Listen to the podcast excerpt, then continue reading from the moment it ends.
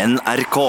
Stellan Skarsgård drømte om å bli diplomat, men sluttet skolen som 17-åring og endte opp som en av verdens mest ettertraktede skuespillere. Han har åtte barn, misliker religion og trives best når han får kokkelere på kjøkkenet han har bygget til seg selv hjemme i Stockholm.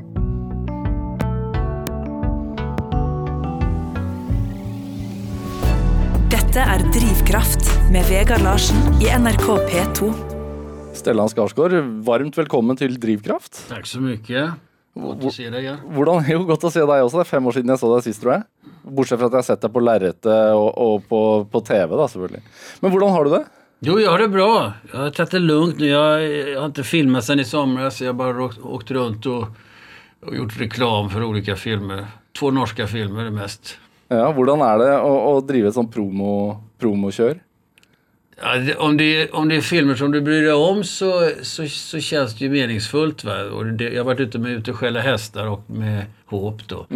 Eh, så, så, så det har varit trevligt. Och dessutom är bägge från samma familj ju.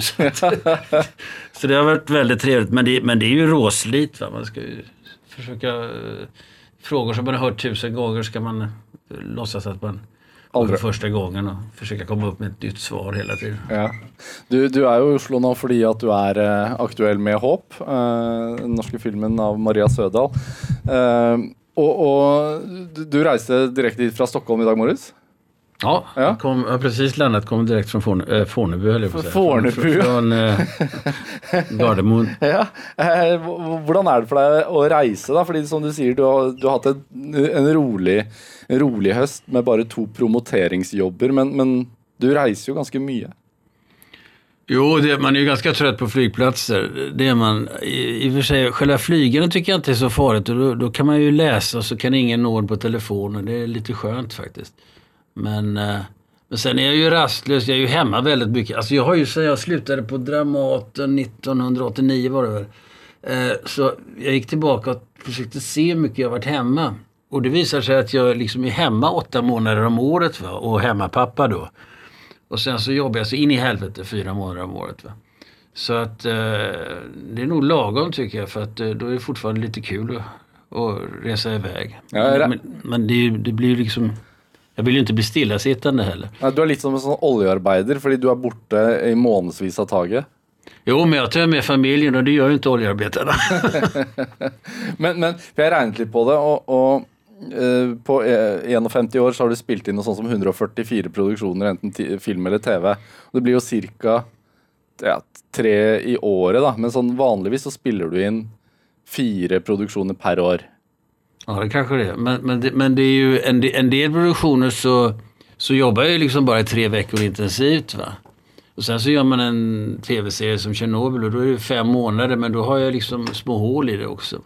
Är det, är det så att du eh, måste ha en evne till att, att lika och vara lite alene när du har den jobben du har, siden du då når du, når du reiser ut på, på jobb, så, så jo, nå har du med deg familie enkelte ganger, men, men det er jo mye en, eh, liksom, alenetid. også. Oh, men det där är jag inte bra på. Jag är, jag är ju uppvuxen en av fem syskon. Va? Så, att, så att det var ju liksom... Jag är van att det är mycket folk runt omkring hela tiden så att jag är inte så bra på att vara ensam. Men, men sen så eh, när man har, Det finns ju stunder då det är skönt att liksom sitta alldeles tyst på ett hotellrum. Men ofta så ensam på hotellrum det är mer ångest än, än, än att njuta av ensamheten. Er det det? Ja, det tycker jag. Det, jag, jag, alltså jag, jag, jag är ju en jävla rastlös jävel. Va? Och eh, om jag då är eh, ensam på ett hotellrum så, så, så, så blir jag liksom, börjar jag gå fram och tillbaka som en björn i en bur. Va? Det, det, det klämmer inte riktigt. Ja, Det, for jeg, det är ju bra med en massa folk omkring sig. jeg har sett deg på filmsett, og du sitter jo ikke stille der heller. Du beveger deg alltid. Ja. Folk undrar, men är du nervös? Nej, det är bara att jag, jag tänker bättre när jag går. Va? Så då går jag fram och tillbaka. Och Jag räknade ut, det var någon film där jag jobbade sådär 12, 13, 14 timmars dagar. Då räknade jag ut att jag gjorde ungefär fyra mil om dagen. I, i, så att det liksom, istället för att träna kan man liksom göra det då. Det er sånn du holder deg i form. ja. Du, du har ikke sånn eh, pulsklokke eller sånn klokke som Nei, tar jeg- antall skritt. Nej, och jag är inte så intresserad av det där. Det er veldig populært det, i, i folk i din alder. Jo, men, men, det- men det är ju hysteriskt alltså. De, de räknar kalorierna och de ska äta det ena och de ska äta det andra. Jag äter det som är gott och så låter jag min, min liksom neurotiska rörlighet sköta träningen. Liksom. Men denne rastløsheten, hvor tror du den kommer fra? Ja, det vet jag inte. Men man, man, alltså vi har ju alla olika liksom, energinivåer från början. Det finns ju de som är letargiska från början och de som inte är det. Och jag tillhör inte de som är letargiska från början. Men sen är jag jättebra på att lata mig också. Jag är ju bra på att inte jobba faktiskt. Det? Men jeg bare tenkte, fordi du flyttet mye som barn. Ja, det gjorde jag. Eh, Så Spårar du något psykologiskt? ja, det er det, eh, jeg, det er det jeg prøver på nå. Ja, det är här 25-öres eh, Freud här. Ja. Ja, det är ju möjligt. Alltså, vad, vad jag lärde mig av det, vi flyttade ju i stort sett vartannat år. Och man bytte skola vartannat år. Och vad det framför allt gjorde var att man lärde sig att snabbt anpassa sig till nya situationer, sociala situationer. Och att, eh, att eh, kasta sig in i eh, sociala sammanhang där man egentligen inte var hemma och så försöka hitta ett sätt att fungera i det. Lese det- situasjoner, lese folk. jag läser situationer, att kunna eh, skapa värdefulla, på kort tid skapa värdefulla sociala nät va, och, och relationer. Och det, är- det, är ju, det är ju precis vad filmarbete är. Du, du, är ju liksom, du kastas in bland människor som du aldrig har jobbat med förut och du måste vara jätteintim med dem med en gång. Va? Och det är en sann intimitet. Men det är en intimitet som bara varar, varar ett par månader då. Och sen så måste man ju göra sig av med de människorna. Så det är en lärdom du plockat upp redan som barn. Då? Ja, det var ju det. Tror, tror du det er noe sånn, sånn, som barn gjør for å overleve når man er liten og kommer på et nytt sted? At man ok, n- nå må jeg s- kjapt f- se an denne situasjonen. Hvem skal jeg bli Jo, fast jag tror inte att det är medvetet. Jag tror att det är en ren instinkt. Som, och- och- sen är det ju inte alla barn som är kapabla. Va? En del blir liksom bara stumma inför och klarar inte av att skapa, eh, skapa ett liv i en ny, ny situation. Och de, och de är det ju synd om. Men jag kunde ju det. Hva var det moren og faren din drev med som gjorde at dere måtte flytte så mye? da? Ja, det var min far som, han, det hade att göra med att han, eh, han blev utsparkad från Handelshögskolan i Göteborg på grund av att på den tiden så betalade man terminsavgifter och de terminsavgifterna la han på krogen istället. Och sen så ägnade han sig inte så mycket åt studierna för han höll på med teater på Anglo-Swedish Society och staterade på Stadsteatern där och sånt där. Så han var inte så intresserad av, av uh, affärslivet. Men det ledde till att när min mor då blev gravid och han var tvungen att börja försörja en familj va, så var han tvungen att börja arbeta ganska långt ner på skalan på ett kontor. Och sen så försökte han då, han var ju väldigt intelligent och sådär så att han fick ju bättre och bättre jobb och eh, slutade väl på någon sån där högre mellanchefsnivå ungefär. Eh, men det var ju fortfarande ett arbete som man aldrig var intresserad av egentligen. Han ville helst blitt skuespiller, han også. Ja, det ville han nog, men det, han kom ju från borgarklassen och på den tiden så var ju inte det liksom riktigt lämpligt att man blev skådespelare. Men sen kunde han ju inte heller, det är ju svårt att försörja familjer på, för de flesta skådespelare. Men han, eh, eh, hans intresse var ju liksom, han var ju, han, som hobby hade han matematik va? och sen så läste han otroligt mycket böcker. Och det har jag väl fått från honom. Det å lese bøker, ja. Ja, det är underbart. Ja du, jeg vet du når, du når du flyr såpass mye som du gjør, så får du jo tid til å lese, da. Hva, får man. hva leser du nå, da? Ja, nu läser jag Michel Hol- Houellebecqs eh, senaste roman som heter Serotonin. Som är eh, väldigt eh, underhållande och dyster på en gång. Er det, jeg kan tenke meg at Ord Beck, eh, som jo har en ganske særegen form for humor, eh, og et ganske mørkt bilde på, på samfunnet Eh, jag kan tänka mig att dere, att, du, att du ser en vän i Olle Bäck. Ja, det gör jag. Det gör jag. Jo, men jag, jag, jag tycker han, han, är, han är ju liksom... Uh, han är ju ganska precis i sina beskrivningar av samhället och hur det fungerar. Och, men han är ju också nådelös som man säger på norska, vilket är väldigt bra. Uh, men sen så är hans... Och även när han beskriver förfärliga situationer, förfärliga människor så, så är hans sätt att göra det och hans språk är ju otroligt underhållande tycker jag.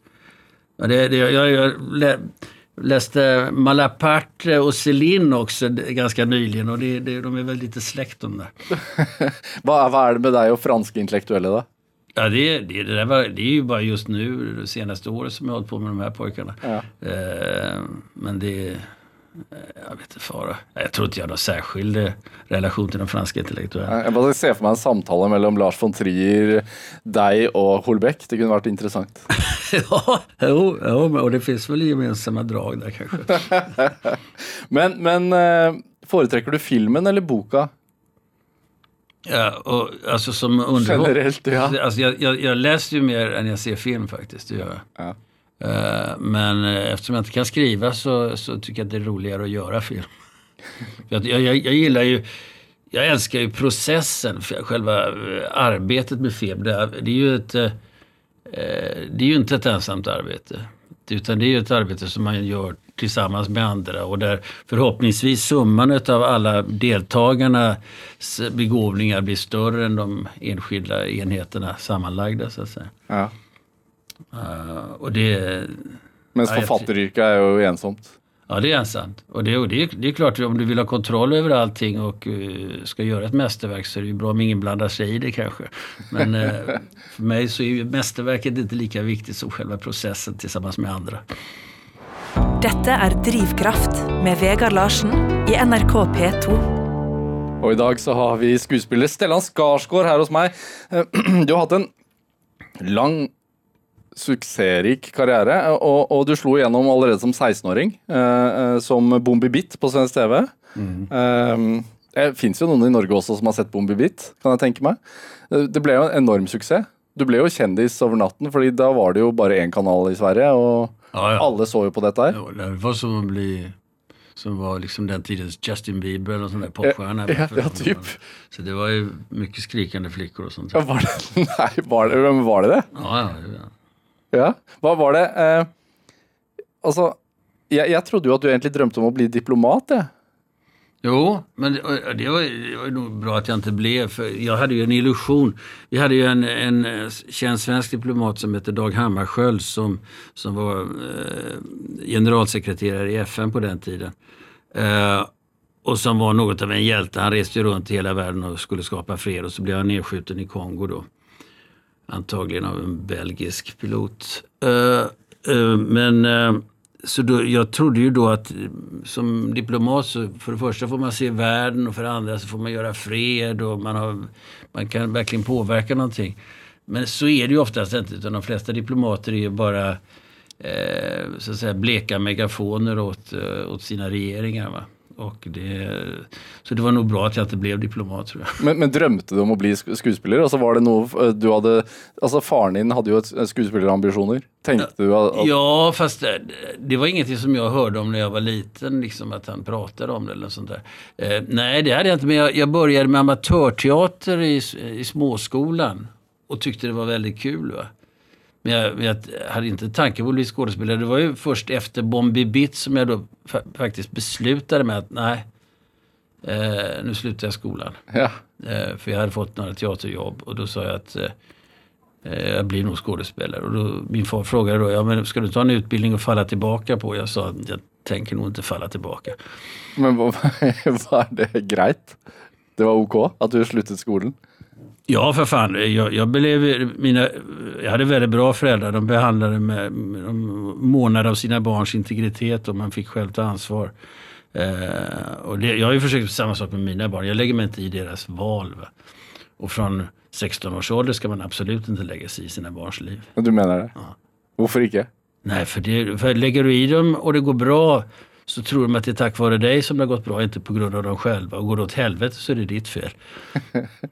altså, det, er, det, er egentlig, det er egentlig for en selv at man ikke skal legge seg opp i barnas valg. så kan man ju säga. Men, men framförallt så är det det att eh, det är viktigt att de så tidigt som möjligt lär sig ta eget ansvar. Ja. Hva, hva har du gjort for at barna dine skal gjøre det, da? Altså, har du Och jag har inte lagt mig i deras liv. Ja. det är liksom det viktiga. ja. Når måtte du ta ansvar selv, da? Ja, det beror ju på vad du menar med ta ansvar. Alltså, jag har ju fyra småsyskon och de fick man ju vara barnvakt och ta hand om när man var liten och så. Men, men, eh, och sen flyttade jag väl hemifrån första gången när jag var, då gick jag fortfarande i skolan när jag var 16. Va? Eh, och sen så slutade jag skolan när jag var 17 och då, sen dess har jag klarat mig själv. Har du angret på at ikke du har mer skolegang? Nej, det har jag inte gjort. För att eh, anledningen att jag slutade skolan var också att jag lärde mig för långsamt i skolan. Eh, det, det, det, som jag inte var intresserad av eh, var bortkastad tid. Och det som jag var intresserad av gick alldeles för långsamt. Va, alltså, du har ju du har spelat diplomat på film då? Ja, det har jag gjort i Wallenberg. Ja. ja. Så du har ju fått, fått känna på hur det är att gå in, gå in i jag tror, diplomatiet. Jag måste nog säga att Wallenbergs eh, jobb som diplomat var väl under ganska extrema omständigheter. Men jag vet att du är, väldigt, jag vet att du är politiskt engagerad. Mm. Um, varför är det viktigt för dig att säga ifrån när du menar något? Alltså du är skuespiller, så man kan ju tänka sånn Varför ska denne skuespilleren mena något om eh, politiken? Ja, ja det, det, det, är inte för att jag är skådespelare utan det är ju för att jag är människa och man ska ju, ja, det är ju det är inte det att det jag säger är sant på något sätt eller riktigt men, men, men det, jag måste ju delta i det samhälle jag lever i. Uh, det är ju själva fundamentet för demokrati. Och det måste man ju delta i. Och sen så måste man Sen ska man också säga vad man tycker, man ska ju inte censurera sig. Eh, vi talar ju om eh, diversitet va? eller mångfald men det gäller ju inte bara i, i kön och hudfärger, det gäller ju i åsikter också. Ja. Så, så, så freedom of speech, allt jag på att säga, alltså det, det att si, si det man menar och si det man står för och stå på barrikaderna för det, det är viktigt för dig. Ja, det, det, är viktigt, men det är också viktigt, och det är viktigt det där att freedom of speech används ju eh, som liksom slagträ trä för både det ena och det andra. Men, men, men, det viktiga är att alltså vi befinner oss i ett läge där jag tror att eh, det finns, eh, det, det, det, har genom media, genom Twitter och genom de rörelser i samhället, de här blixtsnabba reaktionerna eh, på alla människors yttranden så har det, man kommer i en situation där, där folk börjar självcensurera sig själva. Och, det, och det, där, det där tror jag är jättefarligt. Då är man ju, det är ju det är som att leva i en totalitär stat i så fall. Eh, eh, man måste, och man måste också se till att man försöker förstå vad andra människor tänker och säger och menar. Inte bara vilka ord de använder. Jag menar att, att slå ner på någon för något ord han använder är, är, liksom, det är infantilt tycker jag. För meningen bakom kan ju vara något helt annat. Va? Eh, så att man måste verkligen lyssna och så måste man argumentera och kritisera på en intelligent nivå. Va? Eh, men det värde idag är ju, är ju Alltså det, efter efter det att Trump vann valet i USA så läste jag tre böcker om, om, eh, om de som röstade på honom. Den ena, den som jag tyckte bäst om var en bok av en, en kvinna från Berkeley eh, som heter Hot Child, eller Hot Child eh, som spenderade fem år i Louisiana där hon levde med folk från Tea Party-rörelsen för att förstå dem. Och det viktiga är att man måste förstå dem. Precis som eh, det räcker inte med att säga ja men det är rasister och de är reaktionära och de är dumma.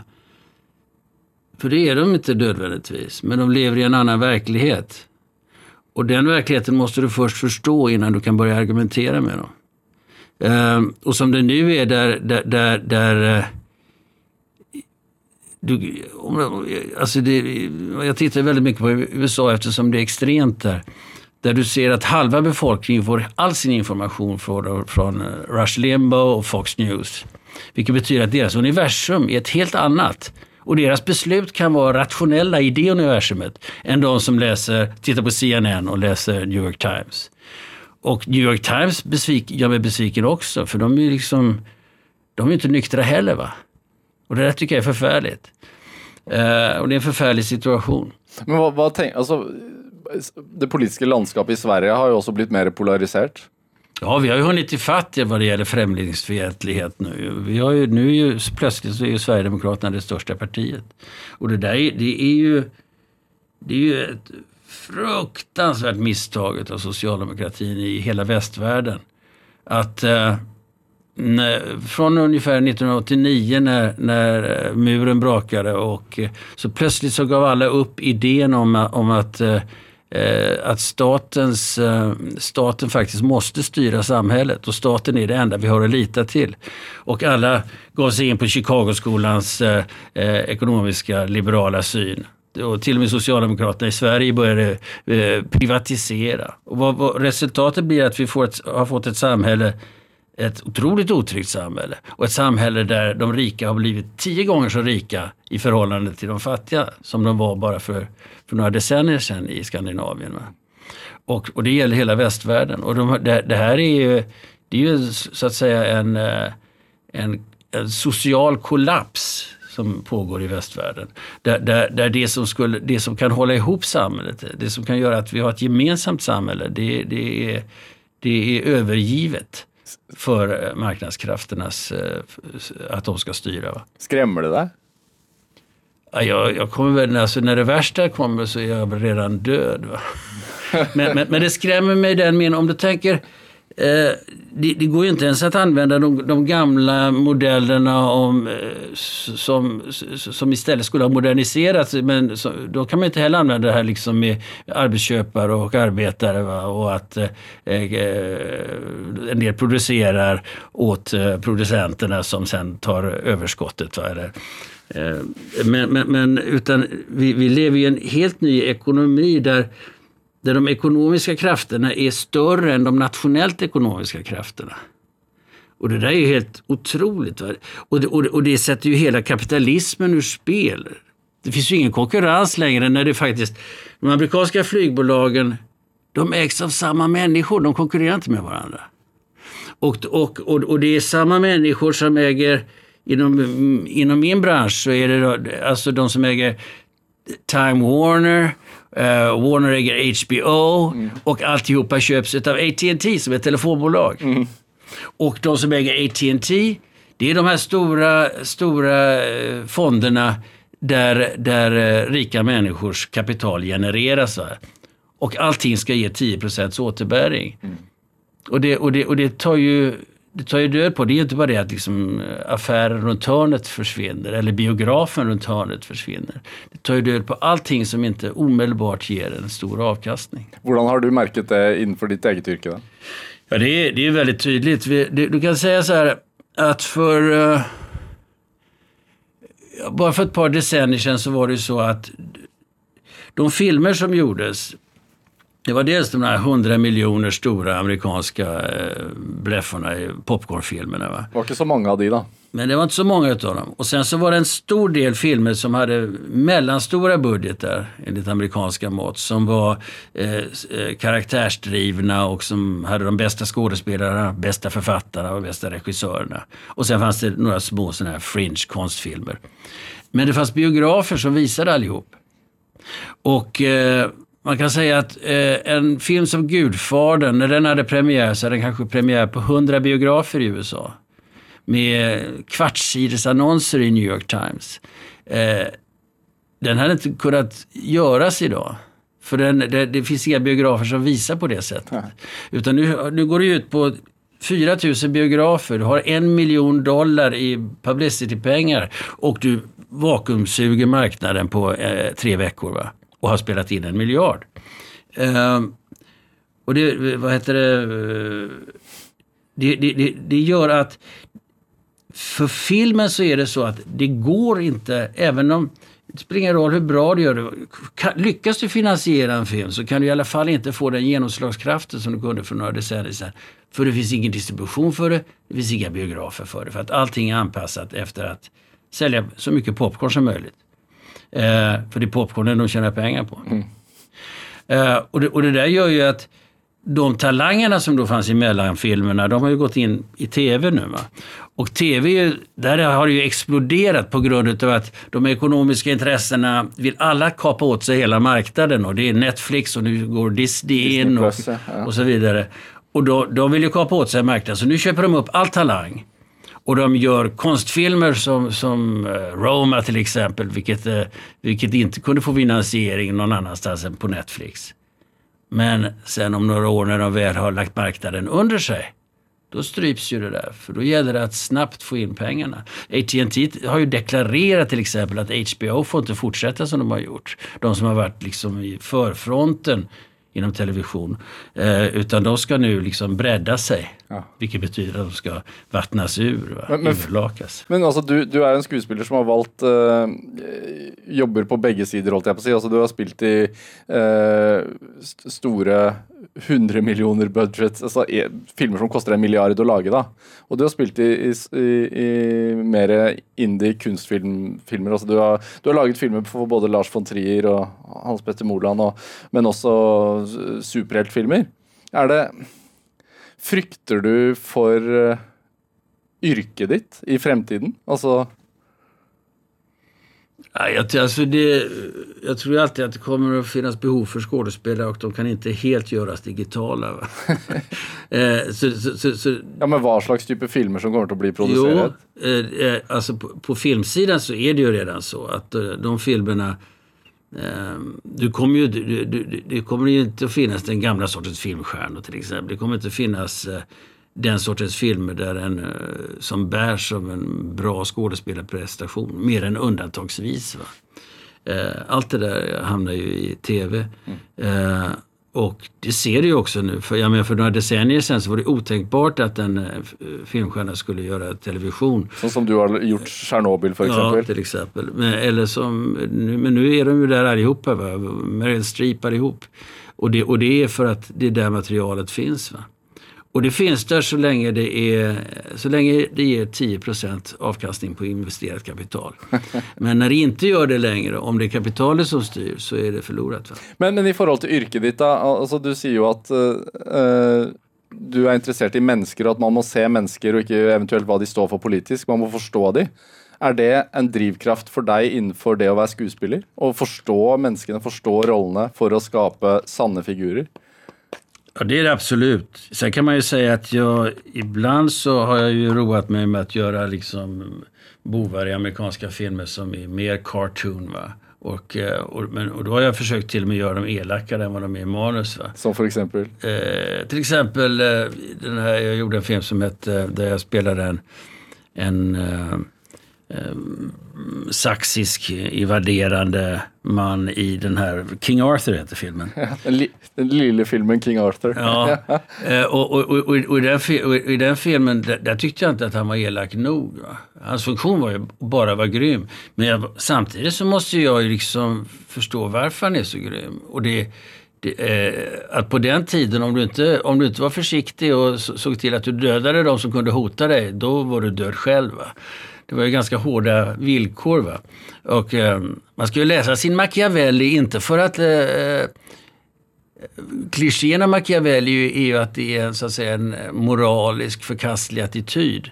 Eh, men det är helt fel tolkning av honom. Vad det var var att det var en praktisk attityd. Och det ska man komma ihåg. men, men, men väljer du eh, roller och manus eh, baserat på det att du eh, håper at filmen eller serien du, du, lager, skal være med å gjøre en forskjell? Altså, du är ju samhällsengagerad, du är jo politiskt engagerad. Mm. Eh, det kan jag säga, eh, det, det, finns massa skäl till att jag tar en roll. Jag kan väl säga att jag har sagt nej till roller på grund av att jag tycker att de, eh, de stöder en etablerad förljugenhet. Va? Men samtidigt så gör jag ju rena underhållningsfilmer med relativt låg moralisk kvalitet kan man säga. Må ha lite smör på brödskivan. Ja, alltså, och det är smör på brödskivan men det är också, det är också kul att göra. Och jag, och, och, och jag, jag tycker att jag, det, har ju liksom ingen skam när jag gör en Mamma Mia-film eh, efter en Trier-film. Det har absolut jag, och, och eh, det, det, man får akta sig jävligt noga. För det första så tror jag inte att konsten i sig kan eh, välta något, eh, något jävla system och bygga nya bättre världar. Vad den kan göra är att den ger dig nya tankar och nya idéer och att man ser kanske världen ur en annan konstnärs eh, perspektiv vilket gör att du får ett par extra ögon att se världen med. Det är väl det längsta man kan sträcka sig. Men som, nu har jag sagt nej till flera, jag tror att jag fått bara det senaste året ungefär fyra stycken eller fem stycken post-apocalypse films. Va? Och, och, det, och det är liksom, det är nu, alla är ju, ja det kommer ju det, det, går ju åt helvete på många sätt i världen. Va? Och då så gör man postapokalypsfilmer. Och de ser likadana ut allihopa. Och det ser lika bedrövligt ut allihopa. För det första tror jag inte att det är helt sant. Va? Att det är just så det kommer att bli. Men för det andra så tycker jag att om det går totalt åt helvete med världen. Då har du två alternativ. Eh, antingen så tror du det. Och då ska du bara göra Mamma Mia-filmer så vi har kul sista tiden. Eller också så går det kanske inte åt helvete och då ska du göra filmer som är konstruktiva på hur ska vi stoppa det. Mm. Så det är bättre att ge folk hopp? Ja, det, ja, det, ja men framförallt så är liksom eh, det här, det finns en slags eh, eh, undergångsmasturbation som, som jag liksom inte riktigt attraheras av. Det är väl samma som uh, överskrifterna på aviserna? Ja, det, men de ska ju också ha 10 på avkastningen. så att de, de säljer vilken skit som helst. Men har du själv spelat en roll där du har tänkt i eftertid, sån, oj, nu ser jag världen lite annorlunda? Ja, det kan man... Det, ja, jag tror att summan av, av allt man har gjort förändrar den. Jag kan ju säga att när jag gjorde den här filmen om, som vi berörde tidigare om Raoul Wallenberg som ju var en svensk diplomat i, i, i Budapest under andra världskriget och som antagligen räddade tiotusentals judar och, och såg till att det var det enda getto som överlevde kriget egentligen. Uh, så att, att göra den filmen förändrade mig. För, och på ett sätt så gjorde det mig lättsinnigare. För jag hade varit, eh, innan den filmen så var jag i mina uh, val av filmer och val av material så var jag mycket mer puritansk och, um, uh, och, och, satte mig på en moralisk hög häst i mycket större utsträckning. Men när jag gjorde den här filmen så blev den blev, det blev så otroligt viktigt att vi arbetade, vi, när vi jobbade i det före detta gettot, det här var 1989, alltså innan muren föll, eller den föll under det att vi filmade där. Mm. Eh, det område före detta gettot i Budapest där vi arbetade, där kom det ut gamla människor som hade varit där under Wallenbergs tid. Och kanske några till och med räddats av honom. Och de kom fram till mig, de grät och de tog på mig. De visste att jag inte var Wallenberg, men jag representerade någonting för dem. Och det, och det kändes som att man hade ett enormt ansvar mot dem och deras liv. Va? Och att den här historien vi gjorde, att det var fullkomligt oviktigt om det blev en, en bra konstprodukt. Eller om den hade stora framgångar eller om vi fick massa priser för det. Det var fullkomligt oviktigt. Det enda som blev viktigt var att man eh, hittade en, så att säga, en nivå av sanning som, som gjorde att man respekterade dem. Eh, och den, efter det så, så vill jag inte göra någonting på ganska länge. Varför det? Nej, för att allting verkade meningslöst. Va? Eh, och bara ytligt. Men sen så vände det där till att, ja, men det är inget fel med att göra meningslösa saker och ytliga saker. Och då blir jag istället mycket lättsinnigare. Va? Och, så att eh, min strävan har väl alltid varit att liksom försöka göra saker med substans. Men jag kan också göra saker utan substans. Man ska ha en varierad diet. Detta är Drivkraft med Vegard Larsen i NRK P2. Och idag har vi skådespelare Stellan Skarsgård här hos mig. Och vi, vi har pratat om, äh, egentligen om politik eh, och, och, och, politiska engagemang. Men sett sån i eftertid, skulle du egentligen önska att du blev kock istället för skådespelare? Nej, för fan, det är alldeles för hårt. Det vara för vanskligt. Ja, ja. Nej, men alltså, jag, jag lagar så jävla mycket mat ändå. Så att, eh, men att göra det på beställning, det, det... Jag har ju vänner i restaurangbranschen och de är utslitna på tio år. Liksom. Det, det är en otroligt hård bransch. Men tar jag fel om jag, jag påstår att det att laga mat är din stora lidenskap? Eller hobby? Ja, det, det, det, det, är min stora hobby, det kan man absolut säga. Men det är inte bara en hobby, det är också ett sätt att... Uh, det är ju en social historia det också. Jag lagar ju mat. Jag har ju, alla mina åtta barn och bägge fruar bor ju inom fem minuters gångavstånd i Stockholm. Va? Och det betyder att jag kan ju, liksom, vi kan göra middagar varje vecka. Va? Och då lagar man mat till dem. Och det, om du vill se dina barn så att laga bra mat, det är det säkraste sättet. Ja, vad lagar du då? Ja, det är allt möjligt. Som för exempel? Ja, pick it. Nei, du må ha en klassiker. Nej, jag har inte en klassiker. Jag, Fars kjøttboller. nej, nej, men jag lagar allt möjligt. Nu har jag hållit på med Setuan-köket ett tag. Och, eh, och nu är det snart Thanksgiving. Min fru är ju amerikanska så då måste vi hitta ett sätt att göra kalkonen ätbar. ja, masse smør. Ja, men, men, men, men er, det, er det litt sånn at Altså, ja, du sier det, samle barna rundt kjøkkenbordet. Eh, det er blitt en del skuespillere der. Er det bare skuespillerprat, da? Er det bare filmprat? Nej, för fara. Det, det är ett, och, och, och det är inte, eh, om, i den mån det är det, det, jag har ju fyra söner som är skådespelare. Om det är det så är det på en skvallernivå, va? Ja. Mera än något annat. Det är inte särskilt seriöst. Seriösa blir vi när vi talar politik till exempel. Eller filosofi. Sånn som vi akkurat var nå. Men, men eh, er det sant at du har bygd kjøkkenet selv?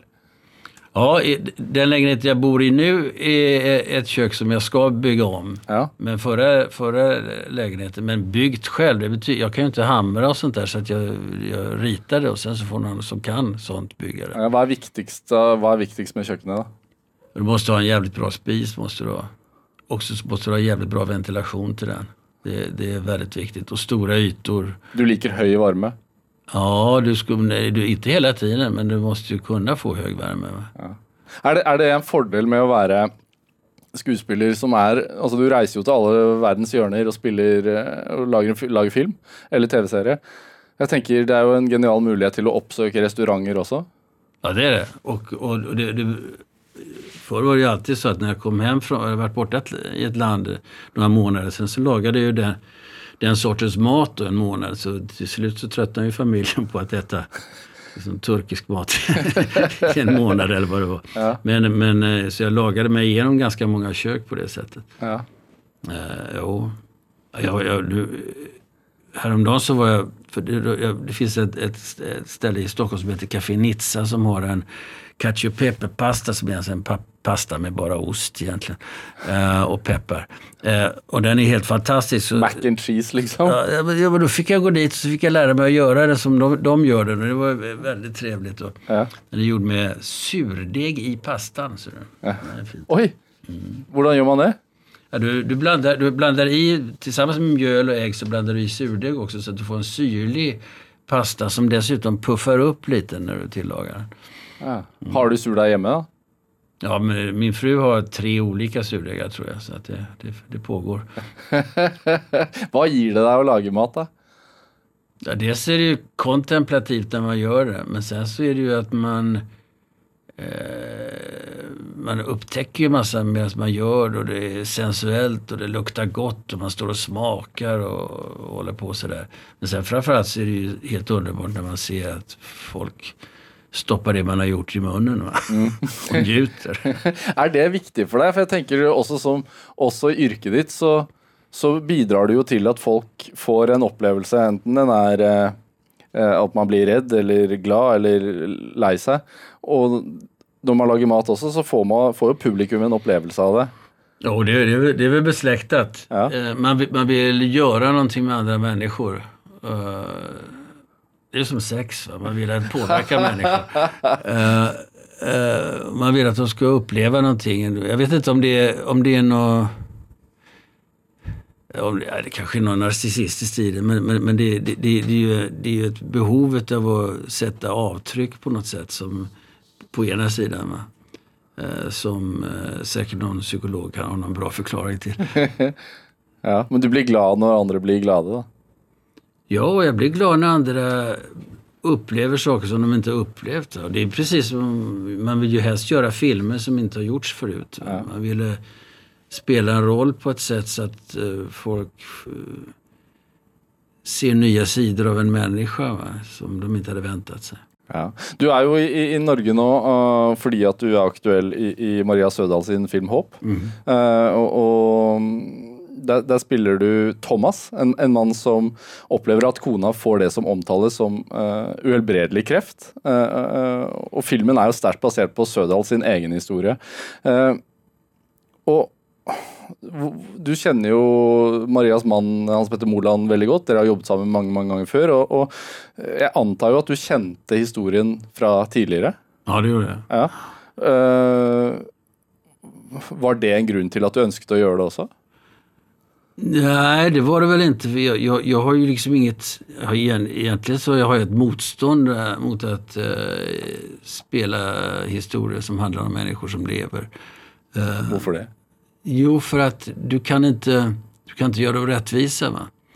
Eh, du kan inte på en och en halv timme beskriva annat än en skiva av en människa. Eh, så, så att, eh, och att det här med att spela min gode vän Hans Petter, det, var ju, det är ju liksom, det är bara fånigt. Så att jag spelar ju inte honom i filmen heller. Va? Eh, Men, men pratet du med han før du gjorde det? Nej då, det gjorde jag inte. Det, det, jag ber inte om lov för sånt där. det gör jag inte. Men, men, men Maria skickade mig, det, alltså en, en film om, det är ju inte den första filmen som görs om någon som får cancer. Va? Och det är, det är ju en genre i sig som, som kan bli ganska klibbig. Uh, sticky, alltså söt och sentimental och jävlig. Uh, men Maria skickade mig ett synopsis som var bara på några sidor. Och jag blev otroligt entusiastisk för det var komiskt, det var nyktert, det var ganska brutalt och gripande också givetvis. Men eh, hon mjölkar så att säga inte det sentimentala och man får inte en känsla av att hon tycker synd om sig själv. Och det blev också den filmen hon gjorde. Va? Det är inte en film där hon tycker synd om sig själv utan det är ju en ganska komisk, brutal kärlekshistoria egentligen. Eh, men det, det, det enda jag protesterar mot när jag läste hennes manus var men den här figuren som jag gör. Det, det är ju kvinnans film givetvis och den spelas fantastiskt av Andrea Brain Hovig. Eh, som, ja, hon kommer få alla mandor hon kan få för den där rollen. Eh, men, men min roll tyckte jag, han, han säger ju ingenting, han gör ju ingenting. Han, han, han finns ju nästan inte i manus. Va? Veldig tilbakeholden. Ja. Eh, och hon sa mycket riktigt att ja, that's the point. Liksom. För att och, som och, och då tänkte jag tillbaka på, för min fru, min fru fick också eh, cancer vid ett tillfälle. Och vad, vad man som då, som mannen till denna kvinna, det, det, den största upplevelsen är att du kan inte göra någonting. Va? Du är van vid att kunna fixa, Jag, det läcker i taket, jag slår på lite papper vad fan som helst. Men här kan du plötsligt inte göra någonting. Va? Och du vet inte ens hur du ska stödja för att eh, upplevelsen är ju katastrofal för dig och resten av familjen. Men den är helt otrolig för den som just som ska dö. Va? Och du kan inte ens föreställa dig den. Vilket betyder att du, du har inga verktyg för att ens... Du kan finnas där som stöd men du kan inte göra mycket mer. Va? Du kan inte driva handlingen framåt. Eh, och där hade ju Maria helt rätt. Va? Var det det, var det det som traff deg? Ja, nej, det, det, det som, vad som traff mig var ju att det var en sån frisk eh, attityd till materialet jämfört med de filmer som man ofta ser. Va? Jo, men, men når man spiller en Alltså när man spelar rollen med det. Ja, nei, altså jeg tenker sånn, Når du, når du skal gå inn i en rolle eh, der du spiller en mann som opplever at, at kona får, får kreft, og, og du selv har vært gjennom en sånn prosess, hvor mye, henter man fra, hvor mye hentet du fra dine egne erfaringer med det? Nej, vad, vad, vad jag, det är ju inte det att jag... Det, det vet man ju inte. Det vet man inte. Man är ju summan av alla sina erfarenheter på något sätt och man är ju sitt eget arbetsmaterial. Men, men jag vet inte exakt vad jag tog... Det, det, insikten om, om passiviteten så att säga, den, den, den, den var ju... Men det var ju en intellektuell förståelse av det mer än emotionell. Eh, men det som jag tror att rollen fungerar. Eh, den fungerar ju som, eh, som den ska i filmen. Det, det, det, det är kvinnans historia men det är också en kärlekshistoria mellan två människor och där den ena är passiviserad. Va? Ja, for jeg tenker jo også at ja, det er, en, det er kvinnens, his- kvinnens historie, men det er også en film som handler om hvordan man takler å få den beskjeden, og leve nær noen som får den beskjeden. Og, og jeg tenker jo også at det handler like mye om din rollefigur. Eh, for for man, man kan ju väldigt lätt glömma de som står nära någon som upplever något sånt. Jo, jo men han finns ju där och han är, han är påtagligt närvarande. Och, och Eh, det visade sig att jag behövde inte vara orolig för att Maria skulle glömma honom i, när hon gjorde filmen. Va? För hon, hon, hon har ju gjort honom jävligt närvarande. Han är ju klippt på ett sånt sätt så att hans, han, man förstår honom också. Va? Mm. Det är bara det att han, han har inte mycket att säga men det, det passar mig också för jag gillar bäst att jobba mellan replikerna ändå. Så. Det, är, det är en film som också beskriver en slags hänsynslöshet när man, man blir rammet av en sån sjukdom. Ja. Uh, hvor ordvekslingene plutselig ikke er så snille lenger. Høfligheten blir borte. Ja, det... Er, er det, er det, kjenner du deg igjen i det? Altså, når du har merket altså, kreft i familien selv, altså, er det en virkelighet, tror du? Det är absolut en verklighet. Eh, jag upplevde det inte så drastiskt och min frus cancer, eh, till skillnad från Maria som gick på steroider, va, eh, som, som gjorde att hon blev hög och på, på overdrive. Det, det hände ju inte min fru. Men, men så, så, så, det handlar inte så mycket om att känna igen. Men, men, men, men, men, men det, är, det är någonting som jag absolut har förståelse för. Och Maria berättar ju att hon, vad som händer är att som i alla, vid alla katastrofsituationer så börjar du skala bort det som är oviktigt i livet. Och där är hövligheten någonting som faktiskt är ganska oviktigt ofta. Om man ska gå till the core av alltihopa. Va? Och då börjar man prioritera. Det är precis som när, när, när du får ditt första barn. Den stora chocken för dig, förutom att allt ansvar, allt jobb och alla blöjor och all skit. Eh, den stora chocken för dig är ju att det är så mycket som du trodde var viktigt i livet som plötsligt blir oviktigt. Va? Och det där tycker jag är fantastiskt.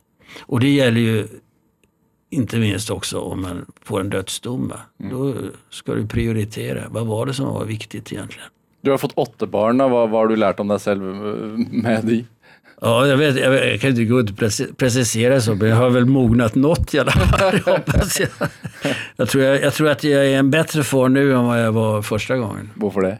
Jo, för att eh, första gången så de, dels så hade jag inte omprioriterat än. Nej. Och dels, och dels så, dels så Eh, hade du massa idéer och ambitioner om hur man ska vara pappa och man ska vara så duktig och man ska göra det och, och, och man måste liksom skapa sitt barn tror man första gången. Sen så ser man att de skapar sig själva alldeles utmärkt. Va? Så man, man liksom lugnar ner sig och man ger dem mer, mer plats. Men sen är det också det när man blir lite äldre så, så är det ju att man är mycket mindre intresserad av sig själv. Va? Vilket är underbart. Och det, och, det, och, det, och det gör att man kan intressera sig mer för dem. Va? Man kan ju bara njuta att sitta och titta på dem. Mm. Ser du filmerna till barnen dina? Eller tv-serierna? Jo, jag kan inte se allt de gör så jäkla mycket. Men jag försöker se något i alla fall. Eh, jag ser inte hela tv-serierna för jag ser inte så mycket på tv-serier. Men jag, jag, jag, ser några avsnitt och ibland har jag sett en hel serie. Och jag försöker se filmerna. Är du stolt? Alltså jag tänker, för du har ju sagt tidigare att de har valt karriären sin helt själv, det inte något du har pressat dem till att göra. Men likväl så har de ju valt att följa sin fars fotspår, så de, de må ju se upp till det på ett vis. Är det, är det en stolthet i det? Att, alltså, som far så är det ju otroligt viktigt att du aldrig hamnar på en piedestal som en far, fadersfigur. Va? Och de ser ju igenom mig. Va? De, jag, jag menar, de hade sin pubertet i treårsåldern. Va? Sen dess har jag bara varit en... så jag, jag, är ju mer en god vän till dem än fadersfigur. Va? Men, men jag, de, de, jag, jag, tror att de gillar att jag har gjort bra grejer. Va? Och de gillar min attityd på ett filmsätt. Va? För det har de ju plockat upp tydligen. Eh, jag har ju inte gett dem några råd och sådär. Är jag stolt över dem? Jag, men det, det där... Det skulle betyda i så fall att om de är framgångsrika är jag stolt, om de inte är framgångsrika är jag inte stolt och det mm. vore ju förfärligt. Mm. Så att eh, jag är glad när det går bra för dem, mm. men jag vet att det också, det kommer ett läge i livet där de kommer att inse att ja, men det var ändå inte det viktiga. Vad är det viktiga då? Ja, men det viktiga är, jag är stolt över dem när jag träffar folk som har jobbat med dem. Man, man är utomlands och säger, ja, jag jobbar med din son. Och då säger jag, hur var han då? Ja, han var jättebra, han var jättetrevlig och han var generös mot alla och inga dumheter och så vidare. Han var alltid tid. Då blir jag stolt. Va? Det vill säga hur de hanterar eh, sina medmänniskor och hur, hur, hur, hur de fungerar som människor. Det, det är ju det som är tio gånger så viktigt som någon jävla eh, priser. Mm. Er det mulig å være sjenerøs og bo i Los Angeles? Det vet jag inte, jag har aldrig bott där. Men, men, men det, det, det, det är en eh, city of fear. Eh, det är en hård stad som är helt eh, inriktad på, på karriär och på, på industrin. Va?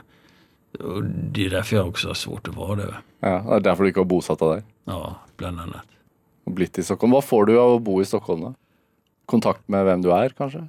Ja, jag lever ju ett normalt liv. Jag släpper hem mina matkassar och, och lagar maten och byter blöjor och sådana där saker. Det, det, det, det, det, här, den här branschen, när det, åtminstone om du har framgång, är ju liksom livsfarlig för att du kan, du kan sugas in i ett, ett slags skenliv och förlora helt kontakten med verkligheten och, eh, och du kan få du kan börja liksom prioritera på ett felaktigt sätt i livet. Och det, så det, det gäller att liksom stay grounded. Va? Liksom att, Hvorfor, hvorfor tror du folk er så opptatt av berømtheter, da? jag vet inte, det, dels är det ju okunskap att de inte vet att det hjälper inte.